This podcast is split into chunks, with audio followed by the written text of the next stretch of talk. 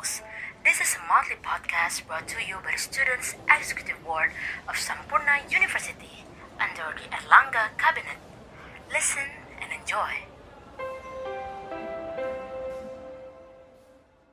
Oke, Assalamualaikum warahmatullahi wabarakatuh Selamat pagi, selamat siang, selamat malam untuk Sobat Asia Talks di mana pun kalian berada Balik lagi bersama aku, Tasya Riviani di Asia Talks Nah, final exam kan udah kelar nih ya, gengs. Berarti kita udah bisa bernafas sedikit lebih lega nih, karena beban akademisnya sudah mulai longgar. Nah, berhubung kita sudah memasuki masa rehat secara akademis, Asia Talks kali ini bakal ngomongin sesuatu yang sekiranya bisa memperasyik kegiatan perkuliahan kita ke depannya nih, gengs. Aku hari ini kedatangan ibu cantik dan kece yang bakal aku ajak ngobrol seru seputar perkariran duniawi. Ya. Langsung aja kita sambut Miss Farah Mahdali dari Students and Alumni Affairs di Sampurna University. Halo, hai Tasya. Terbalik yang cantik Tasya kali ya. Halo pagi. Pagi Miss, apa kabar Miss? Baik, alhamdulillah. Alhamdulillah. Nah, Miss, aku pengen tanya nih Miss sebelumnya kan kita sekarang kalau dari hmm. mahasiswa udah mulai masuk waktu liburan ya Miss nah kira-kira kalau dari SAA sendiri tuh tetap sibuk atau lebih longgar sih Miss belakangan terakhir hmm. Oke, okay, kalau uh, sekarang sih pasti lagi kosong karena kita kan liburan ya, liburan Natal dan Tahun Baru. Uh, percuma kalau kita sibuk-sibuk juga kan teman-teman mahasiswanya juga lagi pada liburan, walaupun ternyata tim uh, Talk sekarang sibuk nih ternyata ya. Lumayan. tetap sibuk. Uh, Ya, jadi sebenarnya um, SAH itu sibuknya adalah sibuk untuk um, melakukan uh, support untuk mahasiswa. Jadi kalau mahasiswanya lagi libur sih, kita prefer juga tidak mengganggu. Tapi biasanya program uh, yang diberikan di SAH itu juga memang nggak bisa hanya pas menunggu mahasiswa lagi aktif. Jadi ada beberapa program-program yang mungkin nanti akan kita tawarkan ke teman-teman mahasiswa justru pada saat mahasiswa sedang uh, break semester.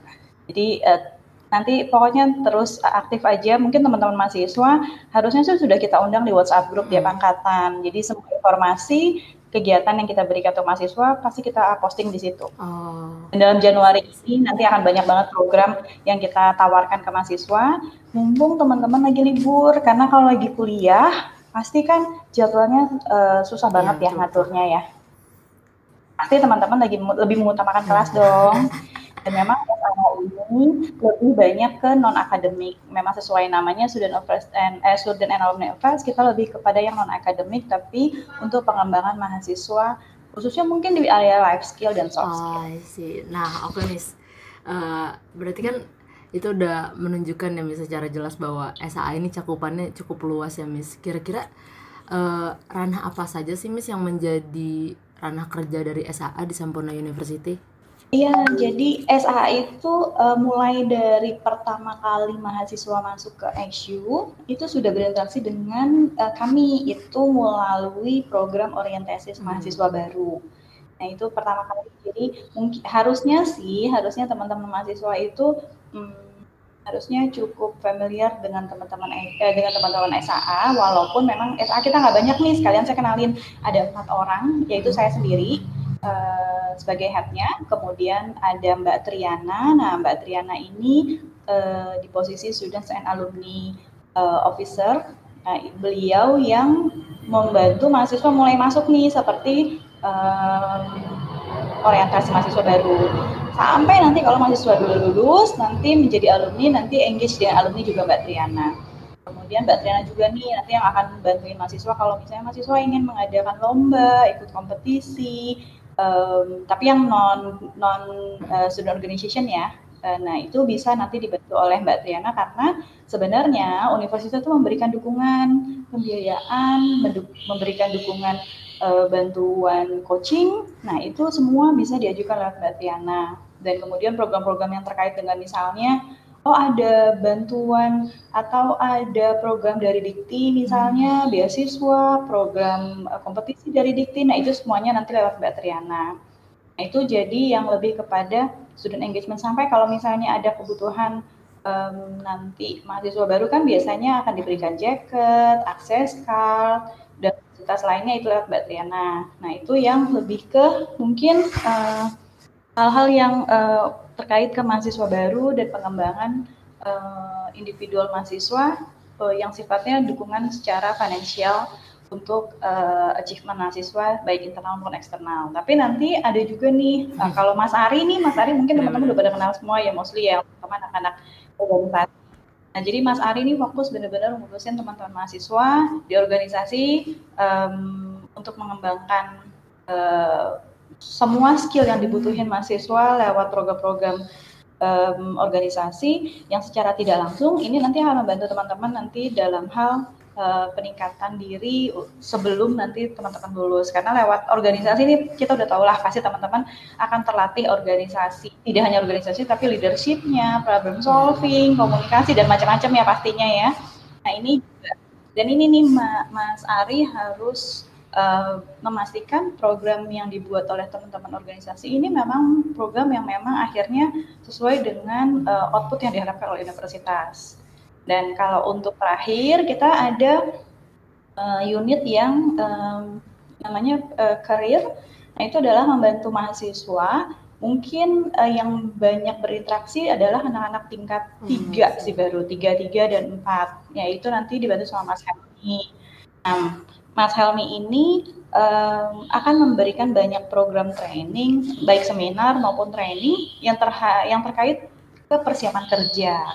Jadi teman-teman mahasiswa nanti um, bisa mengikuti misalnya sebagai contoh nanti ada persiapan interview, bagaimana membuat CV, bahkan latihan hmm. interview satu persatu dengan kita sehingga nanti mereka misalnya teman-teman mau apply atau mau interview di perusahaan baik internship ataupun yang full time job yang employment itu udah gak kaget karena udah terbiasa interview dan pada saat interview juga kan nanti kita akan berikan feedback mana yang sudah oke, okay, mana yang masih perlu diperbaiki.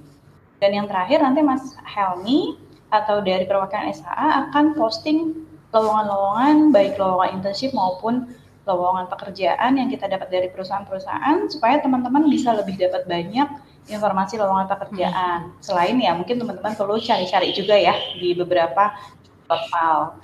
Intinya SAA dipersiapkan untuk teman-teman mendukung teman-teman mahasiswa mulai dari semester awal sampai semester akhir dalam hal pengembangan diri ya tentunya lebih banyak di luar akademik agar teman-teman mahasiswa bisa mencapai uh, kompetensi yang uh, di atas eh, rata-rata uh, dan memenuhi kriteria yang diharapkan nanti di dunia kerja. Kurang lebih seperti itu sih. I see. Nah, Miss, aku pengen tanya nih Miss, kalau melihat dari kecenderungan-kecenderungan dari setiap mahasiswa itu kan macam-macam ya Miss. Ada yang cenderung di akademis, organisasi, atau bahkan kompetisi gitu ya. Nah, kalau misalkan kita melihat pengembangan karir secara global, apa saja sih tantangan yang sekiranya akan dihadapi oleh para mahasiswa setelah lulus kuliah? Dan kriteria seperti apa sih yang dibutuhkan mahasiswa untuk bisa mendapatkan pekerjaan untuk bisa survive gitu mis kurang lebihnya? Uh, Oke, okay, menarik pertanyaannya. Kalau misalnya uh, Tasya atau teman-teman ya uh, sempat cari-cari uh, informasi, kita tuh ada mungkin uh, di dunia nggak uh, cuma dunia kerja sih, dunia pendidikan saat ini juga uh, cukup kangen dengan yang namanya soft skill of 21st century. Jadi sampai dunia di global itu sudah uh, membuat uh, rangkuman kira-kira kompetensi apa aja sih yang sebenarnya dibutuhkan seorang untuk bisa survive baik di dunia um, pendidikan maupun saat nanti dia sudah uh, berkarir. Uh, nah itu sifatnya bentuknya adalah kompetensi. Jadi kayak kompetensi uh, misalnya sebagai contoh ya um, creative thinking, problem solving, analytical thinking, kemudian leadership, uh, global perspective, adaptability, agility, banyak banget uh, kompetensi-kompetensi itu. Nah, kompetensi ini yang sebenarnya kemudian di uh, breakdown lagi, gimana caranya kita bisa memperoleh kompetensi itu just nggak nggak ada kan mata kuliah? Saya nggak tahu ada nggak mata kuliah problem solving atau mata kuliah global perspective? Mungkin secara eh, nggak uh, langsung ya mungkin ada tapi tidak uh, spesifik hmm. nama mata kuliah tersebut. Tapi yeah. ini semua biar bisa diperoleh kalau teman-teman misalnya misalnya let's say problem solving atau creative thinking. Kalau teman-teman tidak masuk ke dalam berbagai uh, kita lah kita ya tidak masuk ke berbagai uh, permasalahan di uh, berbagai area yang berbeda, maka problem solving sama creative thinking kita tidak akan pernah terasa gitu loh. Jadi kayak uh, teman-teman nih misalnya cuma mas cuma masuk kelas uh, ya sudah, kemudian fokus ke assignment, fokus ke ujian, that's it. Ya sudah, nanti kalian hanya akan uh, terasah di masalah-masalah perkuliahan saja.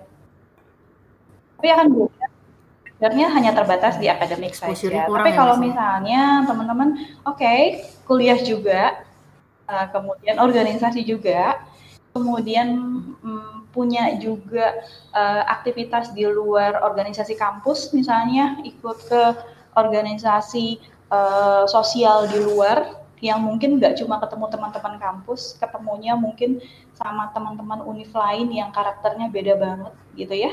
Atau mungkin ikut organisasi yang internasional kan sekarang online banyak nih harusnya gampang. Gimana? Uh, ketemu dengan karakter orang yang uh, even budayanya pun berbeda atau mungkin dengan usianya yang berbeda sehingga nggak mudah match nih gitu loh nggak mudah uh, uh, nah itu akan semakin banyak problem yang akan kita dapatin nah bagaimana kita bisa manage problem tersebut nah itu yang secara tidak langsung itu bisa membantu kita meningkatkan kemampuan problem solving. Nah, intinya sih sebenarnya kalau tadi pertanyaan Tasya, yang seperti apa sih sebenarnya diharapkan uh, oleh um, saat ini dunia global saat ini? Um, kalau mau dicek banyak banget mereka mereka minta istilahnya ya kalau misalnya kayak di dunia kerja ya udah pastilah ya mereka minta yang terbaik yang terbaik karena mereka pengen uh, karyawan mereka adalah orang-orang yang Eh, produktif. Produktif artinya bisa memberikan uh, output sesuai yang mereka harapkan, tapi juga di satu sisi mereka pengen orang-orang yang istilahnya punya uh, personality yang bagus. Karena kalau misalnya mereka misalnya personalitinya tidak bagus, akan susah bisa membangun perusahaan tersebut atau membawa perusahaan tersebut bersama teman-teman kerja yang lainnya. Jadi kalau pintar sendirian tuh nggak akan mungkin deh. Jadi uh, harus juga pintar tapi bisa hmm. uh, bersama-sama uh, membuat teamwork yang bagus, kemudian punya leadership yang baik, problem solving dipecahkan bersama-sama dan itu yang sebenarnya sih harusnya bisa dilihat menjadi satu um, kandidat yang bagus di mata perusahaan dan yang pasti punya punya visi yang bagus ya. Visi yang bagus itu bukan cuma diri sendiri sih, visi yang bagus untuk uh, perusahaan, visi yang bagus untuk masyarakat, dan itu semua. Nggak mungkin kita bisa dapat kalau kita tuh nggak banyak bergaul kalau kita nggak banyak ikut kegiatan um, yang skopnya tuh hanya di kampus aja. Jadi saya sih encourage banget sih teman-teman untuk banyak explore uh, dan punya pengalaman di luar uh, akademik aja tapi again harus bisa ngatur waktu ya karena kan teman-teman ya, uh, statusnya mahasiswa nih. Uh, jadi mahasiswa itu kan pasti kan um, tujuan utamanya adalah um, menyelesaikan studi S1-nya. Nah, itu ya pasti prioritas nomor satu lah. Artinya kita yang tahu nih bagaimana kapasitas kita mengatur waktu, kemudian kapan sih better gue ikut uh, kegiatan, mana yang kapan yang enggak, jangan sampai nanti yang prioritas utamanya malah terganggu gitu. Ah ya benar-benar mas. Uh, nah Miss, aku punya pertanyaan lagi nih Miss. Kalau dilihat dari perspektif alumni, kira-kira sejauh ini lulusan Sampurna University itu udah memenuhi standar kebutuhan Oh udah, udah banget sih. Bangga banget. Jadi uh, saya saya diskusi sama alumni, sama perusahaan yang merekrut alumni, jadi tempat alumni bekerja ya. Uh, kita kan um, aktif melakukan survei ya kepada perusahaan-perusahaan tersebut. -hmm uh, dari hasil survei tersebut, mostly mereka sangat happy atau sangat senang uh, atau uh, merasa bahwa alumni kita atau lulusan SU itu uh, cukup kompeten memenuhi kriteria kebutuhan mereka um, dan bisa dibilang uh, bisa menjadi kandidat yang siap uh, berkompetisi secara global. Hmm, apa sih uh, uh, kriteria yang sebenarnya menurut mereka sudah terpenuhi, yang pertama sih yang udah pasti bahasa Inggris anak-anak kita tuh bagus-bagus banget alumni-alumni ya.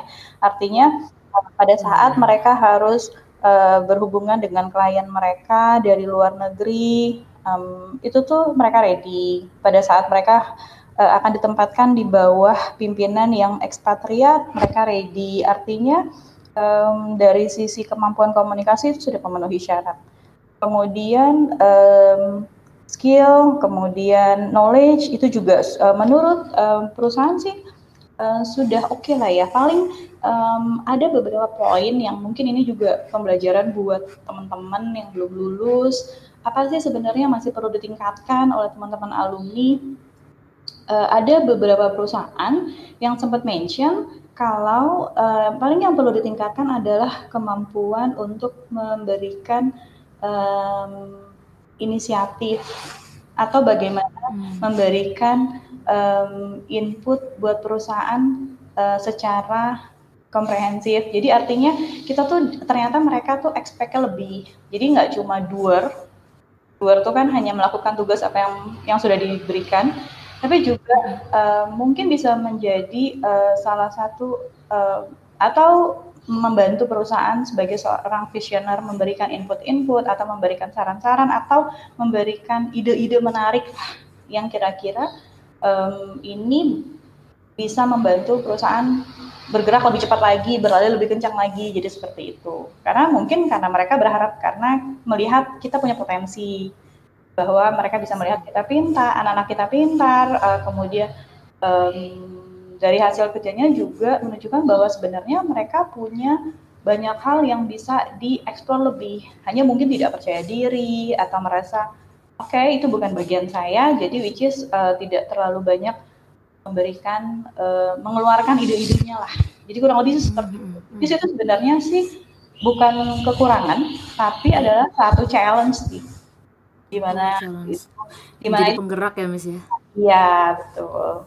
Menurut saya sih mungkin karena itu sih bukan kalau menurut saya ya itu tidak uh, bukan hanya um, poin yang diberikan kepada alumni SU. Saya pernah soalnya uh, juga berkumpul dengan teman-teman dari uh, perwakilan kampus-kampus lain. Even saya juga kan pernah kerja di kampus lain dan itu bisa dibilang satu input yang common Kenapa? Karena memang Mas Indonesia, anak Indonesia mostly kan lebih banyak hmm, apa ya? nggak um, terlalu banyak bicara ya, bisa dibilang ya. Hmm. Kalau di dunia kerja ya. Outspoken Miss. Nggak outspoken, mungkin entah sungkan, istilahnya lebih kepada mereka lebih um, ada sedikit malu, tapi mungkin lebih kepada nggak biasa ya, nggak biasa untuk uh, menjadi sentral uh, apa center of point ya jadi nggak hmm. nggak terbiasa lah seperti itu. Nah mungkin hanya satu dua anak. Nah mungkin menurut saya lebih kepada kebiasaan. Oh iya benar-benar. Benar hmm. uh, nah miss uh, itu kan kalau dari perspektif alumni ya miss. Nah kalau misalkan kita mulai loncat nih miss ke birokrasi. Nah kampus itu kan pasti banyak berurusan dengan dikti ya miss seperti yang tadi miss bilang. Nah kira-kira program dikti apa saja sih Miss yang sekiranya oke okay banget nih buat kita sebagai mahasiswa untuk ikuti Miss? Ah, oke, okay. banyak sebenarnya. Nanti uh, siap-siap Mbak Mbak Triana akan sering-sering uh, info ke oh, kalian. Asik. Ini kalau normal ya, kalau normal jadi sebelum sebelum pandemik itu banyak banget. Misalnya seperti program um, namanya beasiswa PPA, beasiswa peningkatan uh, akademik. Oh, iya. Nah, itu diberikan kepada universitas uh, biasanya kuotanya tuh bisa 10 sampai 15. Uh, beasiswa ini um, sifatnya tambahan ya. Jadi kayak misalnya bukan kemudian beasiswa 100% untuk biaya kuliah tidak, tapi lebih kepada oh uh, ini ada bantuan nih, misalnya Dikti memberikan bantuan tiap bulan berapa ratus ribu hingga total setahun berapa bisa diberikan kepada 10 misalnya atau 15 anak yang memenuhi kriteria Dikti. Dan yang paling utama karena uh, ini beasiswa peningkatan akademik yang paling poin utama yang dilihat adalah uh, nilai akademiknya. Baru kemudian nanti ada faktor-faktor lain seperti uh, faktor uh, penilaian ekonomi karena memang ini di, diberikan untuk diutamakan untuk yang misalnya membutuhkan bantuan dari sisi ekonomi. Tapi itu tidak tidak utama karena yang paling utama adalah akademik. Hmm. Tapi dilihat juga nih kemampu apa uh, prestasi non akademiknya seperti aktif nggak organisasi, pernah ikut kompetisi nggak, pernah ikut konferensi nggak, pernah melakukan publikasi uh, ilmiah atau tidak. Jadi tetap itu akan menjadi kriteria-kriteria penilaian. Nah, selain beasiswa, PPA tadi yang saya sampaikan ada juga misalnya hmm, pemilihan mahasiswa berprestasi. Kalau itu tiap tahun. Jadi nanti tiap universitas harus memilih mahasiswa berprestasi tingkat universitas dulu. Nanti uh, kita pilih setelah dipilih oleh universitas, baru pemenangnya kita akan kirim ke uh, Dikti itu untuk uh, bersaing dengan universitas-universitas lainnya tingkat wilayah. Kalau sudah menang, nanti baru pemenangnya akan dipilih tingkat nasional. Dan uh, sebenarnya kalau untuk Sampurna University kita biasanya tiap bulan April atau Mei itu sudah melakukan kegiatan uh, untuk level universitas. Dan itu menarik loh untuk level universitas saja pemenangnya satu dua tiga itu pasti kita kasih hadiah dalam bentuk uang uang tunai. Dan lumayan lah pemenang satunya dapat juta gitu kan. Dan itu nanti akan kemudian mewakili universitas tingkat wilayah. Dan alhamdulillah tuh sudah di lima tahun terakhir ini saya kan join lima tahunnya lah ya kurang lebih di ESU nah itu sudah ada dua um, ya dari lima tahun baru dua tahun berarti ya. Which is belum belum oke oke banget. Itu sudah ada dua mahasiswa ESU yang kemudian bisa menjadi perwakilan di uh, tingkat wilayah walaupun belum sampai jadi pemenang tingkat nasional. Dan um, itu juga nanti dari Dikti akan mendapatkan hadiah juga mendapat eksp, uh, apa um, achievement uh, artinya penawaran-penawaran lain seperti mungkin dulu terakhir itu namanya Mas Tatap dari uh, kohort 2014 karena dia menjadi pemenang uh, atau menjadi mahasiswa berprestasi tingkat wilayah di wilayah tiga. Uh, banyak kesempatan-kesempatan yang akhirnya dapat ditawarkan ke Mas Tatap kayak misalnya dia dapat kesempatan untuk menjadi uh, delegate Indonesia untuk program um, volunteer di uh, luar negeri di Malaysia waktu itu Sarawak. Jadi otomatis akhirnya terpilih. Jadi sebenarnya banyak banget nih benefit-benefit kalau misalnya teman-teman bisa ikut program, kemudian bisa sampai ke posisi yang uh, winnernya akan mendapat perhatian-perhatian atau kesempatan-kesempatan tambahan dari diktinya sendiri. Nah itu secara nggak langsung ya. Tapi uh, again itu mungkin sifatnya lebih uh, terbatas karena kan biasanya kalau pemenang ya hanya satu dua tiga. Nah ini ada nih sebenarnya yang oke okay banget uh, sebenarnya um, ini nggak terbatas jumlahnya, hmm. Yaitu PKM atau program uh, kreativitas mahasiswa. Uh, kayaknya sih teman-teman udah mulai dapat nih uh, dari Mbak Triana ya postingan di grup. Kita akan ada workshopnya, jadi teman-teman bisa tahu PKM atau program kreatif mahasiswa dari Dikti itu itu mencakup apa aja. Jadi mereka intinya sih membuat karya tulis, tapi karya tulis itu sifatnya adalah gagasan dan itu itu macam-macam banget uh, nanti makanya perlu ikut workshopnya kenapa karena uh, bagiannya banyak kayak PKM PKM itu atau program kreatif mahasiswanya itu itu terbagi ada yang bagian penelitian, pengabdian masyarakat, pengabdian masyarakat, wirausaha, teknologi, karya citra, uh, futuristik konstruktif dan pokoknya macam-macam banget. Jadi nanti teman-teman bisa lihat kira-kira ah, saya minatnya ke mana? Dan itu biasanya grup tenang nggak usah nggak usah khawatir karena nggak sendirian karena bergrup. Bisa barengan sama teman-teman uh, dan di workshop itu nanti uh, juga kita bantu ngasih tahu kira-kira karya ilmiah yang gimana sih yang bakal atau yang memenuhi kriteria dikti. Jadi teman teman-teman akan bisa dapat bimbingan, kemudian ada dosen dari kampus yang sudah di-assign juga oleh universitas untuk bisa membantu teman-teman. Dan yang paling penting adalah kalau sampai nanti teman-teman ini misalnya karya tulisnya atau gagasannya kemudian diterima oleh Dikti, maka akan mendapatkan pendanaan untuk merealisasikan gagasan tersebut. Jadi kayak misalnya, oh saya pengen melakukan uh, eh, PKM pengabdian pada masyarakat, kemudian programnya uh, seperti ini. Nah, nanti kemudian jika memenuhi kriteria oleh Dikti, Dikti bilang, oke okay, ini memenuhi kriteria kita, dari sisi penulisan maupun gagasan, maka akan diberikan dananya. Nah, dana itu kemudian dipakailah untuk teman-teman merealisasikan uh, tulisan kalian tadi. Sudah di, uh, uh, dilakukan, kemudian nanti dievaluasi lagi nih oleh Dikti, kemudian dievaluasi dan untuk program uh, beberapa bulan. Uh, harusnya sih sampai sampai sampai 9 bulan kalau tidak salah kemudian oh, ini cukup lama sih uh, nanti uh, saya harus cek lagi berapa bulannya cuma intinya itu bukan long bukan short term ya jadi long term kok. Ada yang tiga bulan juga ada tapi memang memang nanti uh, sifatnya bertahap. Nah kemudian nanti setelah itu dilihat lagi nih oh, oke okay, laporannya uh, realisasinya seperti apa? Apakah tercapai eh, tujuan-tujuan uh, yang memang sudah ditulis di awal? Kalau oke okay, nanti teman-teman dibantu lagi untuk sampai dimasukkan ke program uh, PIMNAS atau pekerjaan nasional di mana teman-teman bisa bisa eksplor lagi uh, apa yang sudah kalian lakukan dan tentunya itu akan mendapat bantuan pendanaan tambahan. Nah ini intinya sih sebenarnya teman-teman satu latihan membuat karya ilmiah dan ini kan akan membantu nih sebagian latihan nih nanti kalau misalnya kalian mau iya. skripsi yeah. karena udah udah tahu lah ya uh, polanya seperti yeah. apa, yang bagus seperti apa.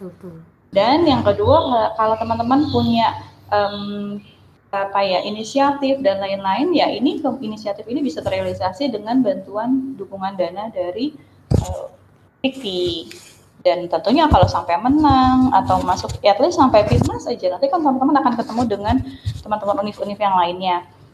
Kalau dulu sih sebelum pandemik misalnya timnasnya itu uh, di satu kota misalnya di Makassar atau di mana which is ya itu memang datang semua lah ke daerah situ. Nanti ketemu dengan teman-teman oh, lain.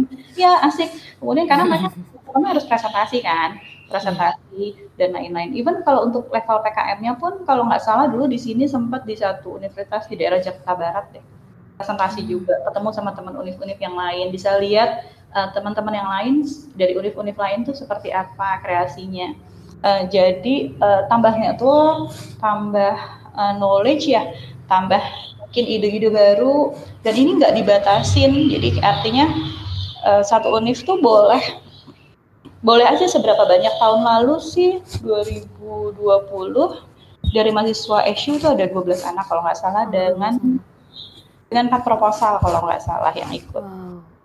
Tapi di kampus lain itu bisa sampai 30 ya mungkin karena mahasiswanya banyak-banyak ya.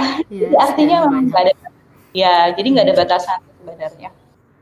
Oh, jadi menarik nih um, banget apa bagus banget kalau teman-teman uh, bisa ikut um, at least nambah ini deh nambah apa um, pengetahuan bagaimana membuat karya tulis penelitian yang bagus.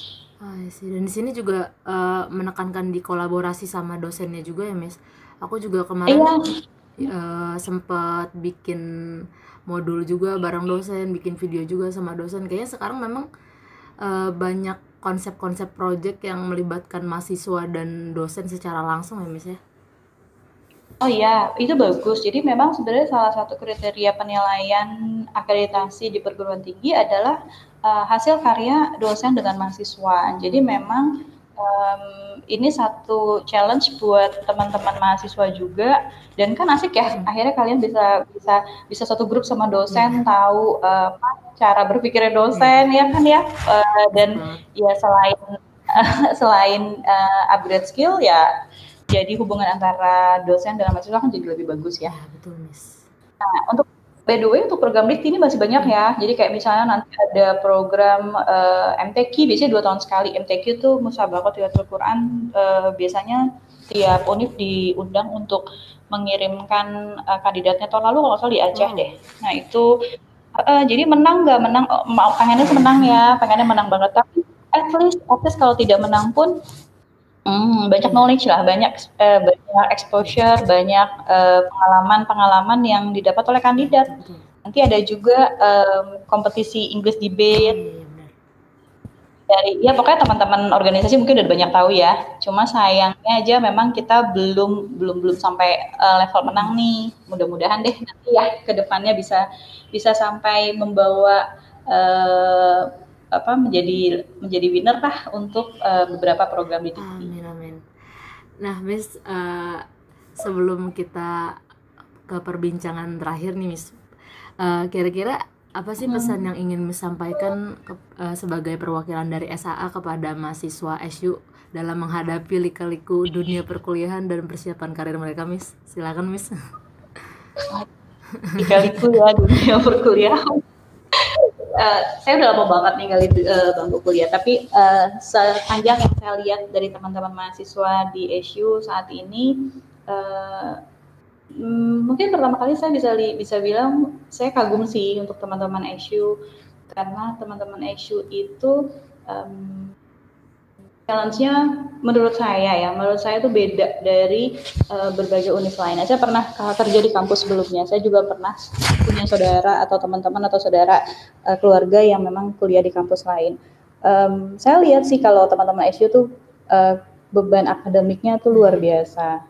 Tapi uh, yang saya senang beban itu terkadang membuat uh, tidak menjadi beban uh, secara um, apa ya um, beban banget tapi banyak yang mereka tuh justru merasa senang mereka tertantang. Karena saya lihat mereka tetap bisa uh, menghadapi dan memperoleh nilai yang baik. Artinya jarang banget deh anak-anak SU tuh yang punya nilai-nilai um, di bawah sampai yeah. mungkin sampai di bawah dua atau even dua koma. Itu saya saya jarang lihat. Jadi intinya um, saya kagum sih sama anak SU cuma uh, paling uh, dari pandangan saya yang perlu teman-teman juga perhatikan adalah um, nilai bukan segalanya untuk masa depan kalian gitu loh. Jadi artinya teman-teman harus persiapkan juga um, kompetensi atau skill teman-teman dari luar akademik atau di atau tidak hanya sebatas nilai uh, memang pada masuk dunia kerja nanti nilai itu untuk fresh graduate ya, untuk lulusan baru ya, itu nilai itu penting. Hampir semua universitas, semua perusahaan untuk uh, lowongan yang open untuk fresh graduate itu meminta persyaratan GPA.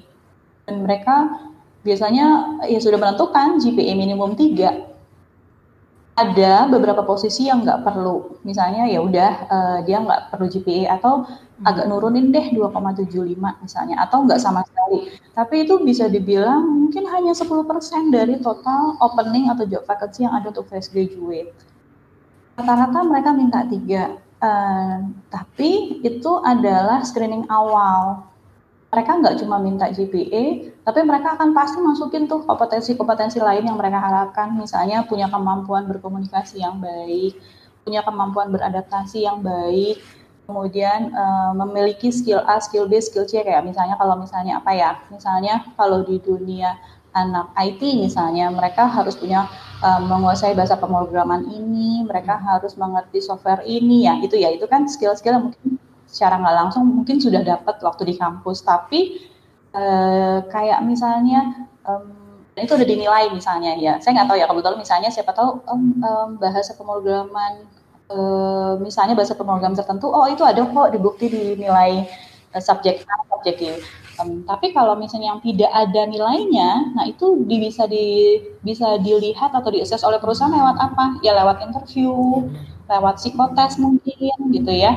Um, nah itu semua yang sebenarnya kadang-kadang kita nggak tahu nih achievement kita udah sebagus apa. Kalau kayak uh, mata kuliah tertentu yang kemudian menunjukkan kompetensi hard skill ya, mungkin kita sebutnya hard skill itu ada tuh nilai kita udah tahu selama ini kita diuji oleh punya dosen oke okay, nilai kita ini pokoknya kita bagus banget lah untuk mata kuliah itu jadi nggak usah khawatir tapi kalau yang untuk soft skill, nah tadi hard skill dan soft skill termasuk kayak kemampuan komunikasi, problem solving, adaptasi, itu kan hmm. soft skill. Itu kan nggak pernah ada tesnya ya di kampus ya gitu. Even kita tuh nggak, dan memang um, memang di dunia kerja pun uh, penilaiannya akan dibilang uh, nggak subjektif, tapi memang uh, melalui observasi.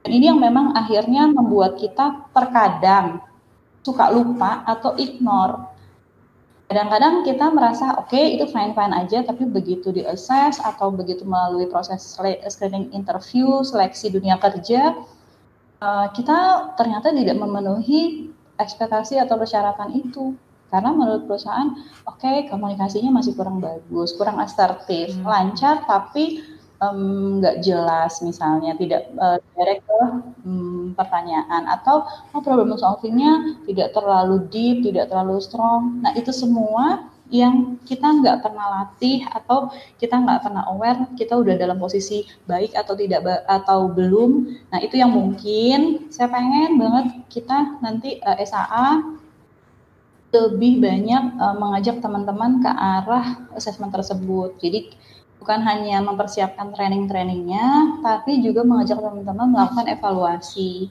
supaya kita semua sama-sama tahu uh, apakah kita juga ready dalam hal tersebut dan itu akan membantu kita sih nanti dalam uh, mencari pekerjaan lebih cepat karena kan um, pasti deh pas mau lulus pengen cepet-cepet uh, dapat hmm. kerja ya mungkin pengen istirahat dulu kali ya nggak mau langsung habis lulus uh, tapi kan masa sih mau nganggur lama-lama gitu kan uh, makin cepat Ya, makin cepat dapat kerja kan berarti menunjukkan kalian achievementnya juga lebih bagus gitu ya. kan apalagi saat ini di pandemik nih kerjaan itu nggak gampang ya, sih gitu. Artinya um, orang bahkan banyak dipecat gitu ya. Bukan lebih banyak opening. Jadi um, tapi alhamdulillah nih mungkin satu satu gambar baik juga saya boleh sharing ke teman-teman lewat Asia Talk ini. Um, Oktober kita wisuda 2020 ya, Uh, tapi sampai ini bulan apa nih? Desember ya, November, Desember baru tiga bulan. Alhamdulillah anak-anak yang wisuda itu hmm. 86% semuanya sudah hmm. bekerja. Baru 86 persen ya, masih masih kurang nih, baru 86 persen, masih kurang 14 persen. Ya, artinya di situasi pandemik seperti ini, alhamdulillah teman-teman alumni yang baru lulus ini, baru sidang, eh baru wisuda kemarin, nggak perlu tunggu sampai tiga bulan lebih, mereka sudah um, sudah memiliki pekerjaan. Dan itu sebenarnya satu bukti sih bagaimana um, alumni SU bisa um, berkompetisi uh, ya dengan kandidat-kandidat lainnya. Walaupun mungkin nggak semuanya saat ini uh, full time job, ada yang masih part time atau apa, tapi which is di kondisi pandemi seperti ini sudah sudah achievement yang bagus banget sih harusnya. Wah bener banget Miss. Ya intinya sih pokoknya teman-teman nih uh, titip-titip deh. Aku pengen banget kalau teman-teman mulai uh, apa namanya mempersiapkan diri. Kalau perlu dari semester 1 mempersiapkan diri uh, kalau punya goal mau bekerja atau goalnya nggak mau kerja dia mungkin mau berwirausaha. Itu itu buat rencana dari sekarang. Kayak misalnya oke okay, kalau saya mau kerja atau mau berwirausaha dari setelah lulus nanti uh, setahap berarti tahun pertama harus ngapain, tahun kedua harus ngapain, tahun ketiga tahun karena nggak bisa tiba-tiba tuh yang tiba-tiba ah nanti ah nunggu udah semester akhir, hmm. udah wisuda atau udah apa ya, udah sidang baru cari kerja, baru sibuk-sibuk bikin CV, baru sibuk-sibuk mungkin oh mau bikin usaha ini itu waktunya nggak akan cukup. Jadi semua perlu persiapan panjang, dicicil. Kayak misalnya saya mau fokus ke bidang A, yang dari sekarang mungkin uh, cari mentor di bidang A, uh, cari internshipnya di bidang A, pengen jadi apa ya harus punya network di situ. Dan kalau butuh bantuan, SA siap, siap banget. Kita tuh malah seneng sih kalau ada anak-anak yang misalnya kontak um, kita, misalnya uh, kemarin tuh ada anak yang mau ikut uh, kompetisi Unilever, oh, iya. UFL. Mm -mm. Ya kan ada tuh kompetisi-kompetisi, terus kontak saya, bilang, ini saya mau ikut UFL kita bertiga ini materi presentasi saya boleh nggak bantu liatin? Oh boleh banget saya senang banget saya senang banget. Kemudian mereka juga harus bikin CV boleh liatin nggak sih? Saya udah bagus atau belum? Dan uh, senang banget saya yang kayak gitu-gitu tuh senang banget. Artinya SAA bukan hanya saya ya SAA tuh senang banget kalau ada anak-anak. Um, kemudian um, melakukan inisiatif untuk minta support lebih dari kita. Dan sebenarnya even untuk yang kompetisi kalau misalnya oh kita mau ikut kompetisi bayar segini segini segini. Tapi kita punya kesulitan oke okay, ajuin nanti kita bisa bantu. Jadi teman-teman uh, sebenarnya SU SU tuh bagus banget loh kalau menurut saya. Dan ini kita semua kan karena uh, apa ya arahan dari pimpinan ya arahan dari manajemen ya bahwa kita harus mendukung uh, mahasiswa kalau dari SA di untuk pencapaian uh, tidak hanya akademik tapi non akademik juga. Which is ini sih jarang banget deh universitas yang bisa uh, memberikan support sampai sebesar ini. Apalagi mungkin karena SU kan mahasiswanya belum terlalu banyak ya. Kita total body itu di angka 600-an kalau di kampus lain mungkin puluhan ribu atau ribuan. Mungkin nggak bisa mengcover semua support untuk seluruh anak. Tapi kalau kita insya Allah sih kalau menurut saya sih um, bisa banget gitu. Jadi manfaatin deh teman-teman kesempatan atau support yang diberikan oleh SU uh, jangan diignore jangan dicuekin karena nanti nanti teman-teman yang akan bisa mendapatkan sendiri uh, apa benefitnya sih buat teman-teman sendiri. Nanti kalau teman-teman nih udah ya ampun udah pas mau lulus tuh pas lagi bikin CV uh, banyak banget informasi. Saya pernah jadi ketua ini saya pernah melakukan kegiatan ini, saya pernah ikut kompetisi ini, saya pernah menang ini, saya pernah ikut conference ini, saya pernah intensif di sini, di sini, di sini. Itu di CV teman-teman itu CV-nya akan akan membuat impress uh, perusahaan.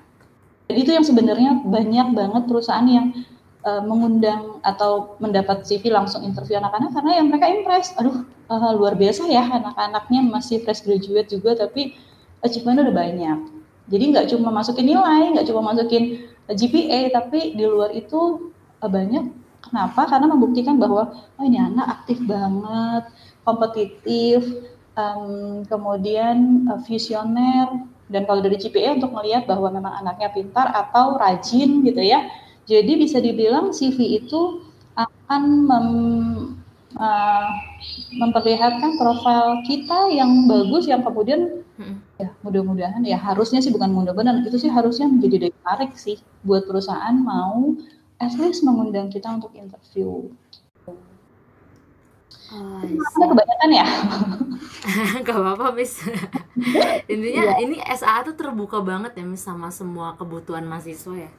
Nah, kalau kebutuhan, pokoknya kebutuhan yang kita bisa support ya. Uh, yeah. Pokoknya intinya kebutuhan yang bisa mendukung mahasiswa. Even kayak kemarin Mas Helmi mau ngadain training buat anak-anak uh, yang baru lulus nih, baru lulus. Mm -hmm. uh, kemudian mau ngadain training um, beberapa kompetensi. Even Mas Helmi pun survei ke anak-anak, kalian prefer modul ini, modul ini, atau modul ini. Kalau jadi artinya uh, even suara anak-anak pun kita mau dengarkan. Karena kita juga tahu kan anak-anak mungkin misalnya saat ini uh, fokusnya ke mana saja. Artinya apa yang kita lakukan adalah tujuannya adalah untuk mendukung uh, kesuksesan teman-teman semuanya. Itu. Wah mantep banget nih Miss wajangannya uh, sepertinya ikut ya semoga habis ini ikut semoga habis ini banyak yang ikut program-program amin, amin amin PKM ya Miss ya bentar lagi PKM yang paling deket nih kayaknya iya itu itu itu penting banget tuh mm -mm. bagus banget ya wah mantep banget nih Miss Uh, hmm. Sepertinya wajangan pamungkas ini akan menjadi penutup dari sesi talks kita kali ini ya. Uh, terima kasih banget ini untuk Miss Farah atas waktu dan diskusi yang hangatnya di pagi hari ini ya Miss. terima kasih banget Miss. Oke, okay, sukses untuk uh, teman-teman semua ya. Thank you, Miss. Thank you banget. Terima kasih juga untuk Sobat Issue Talks yang sudah bersedia mendengarkan sampai akhir. Akhir kata, uh, saya ucapkan wassalamualaikum warahmatullahi wabarakatuh. Stay safe, stay healthy, and see you in the next episode. Bye-bye.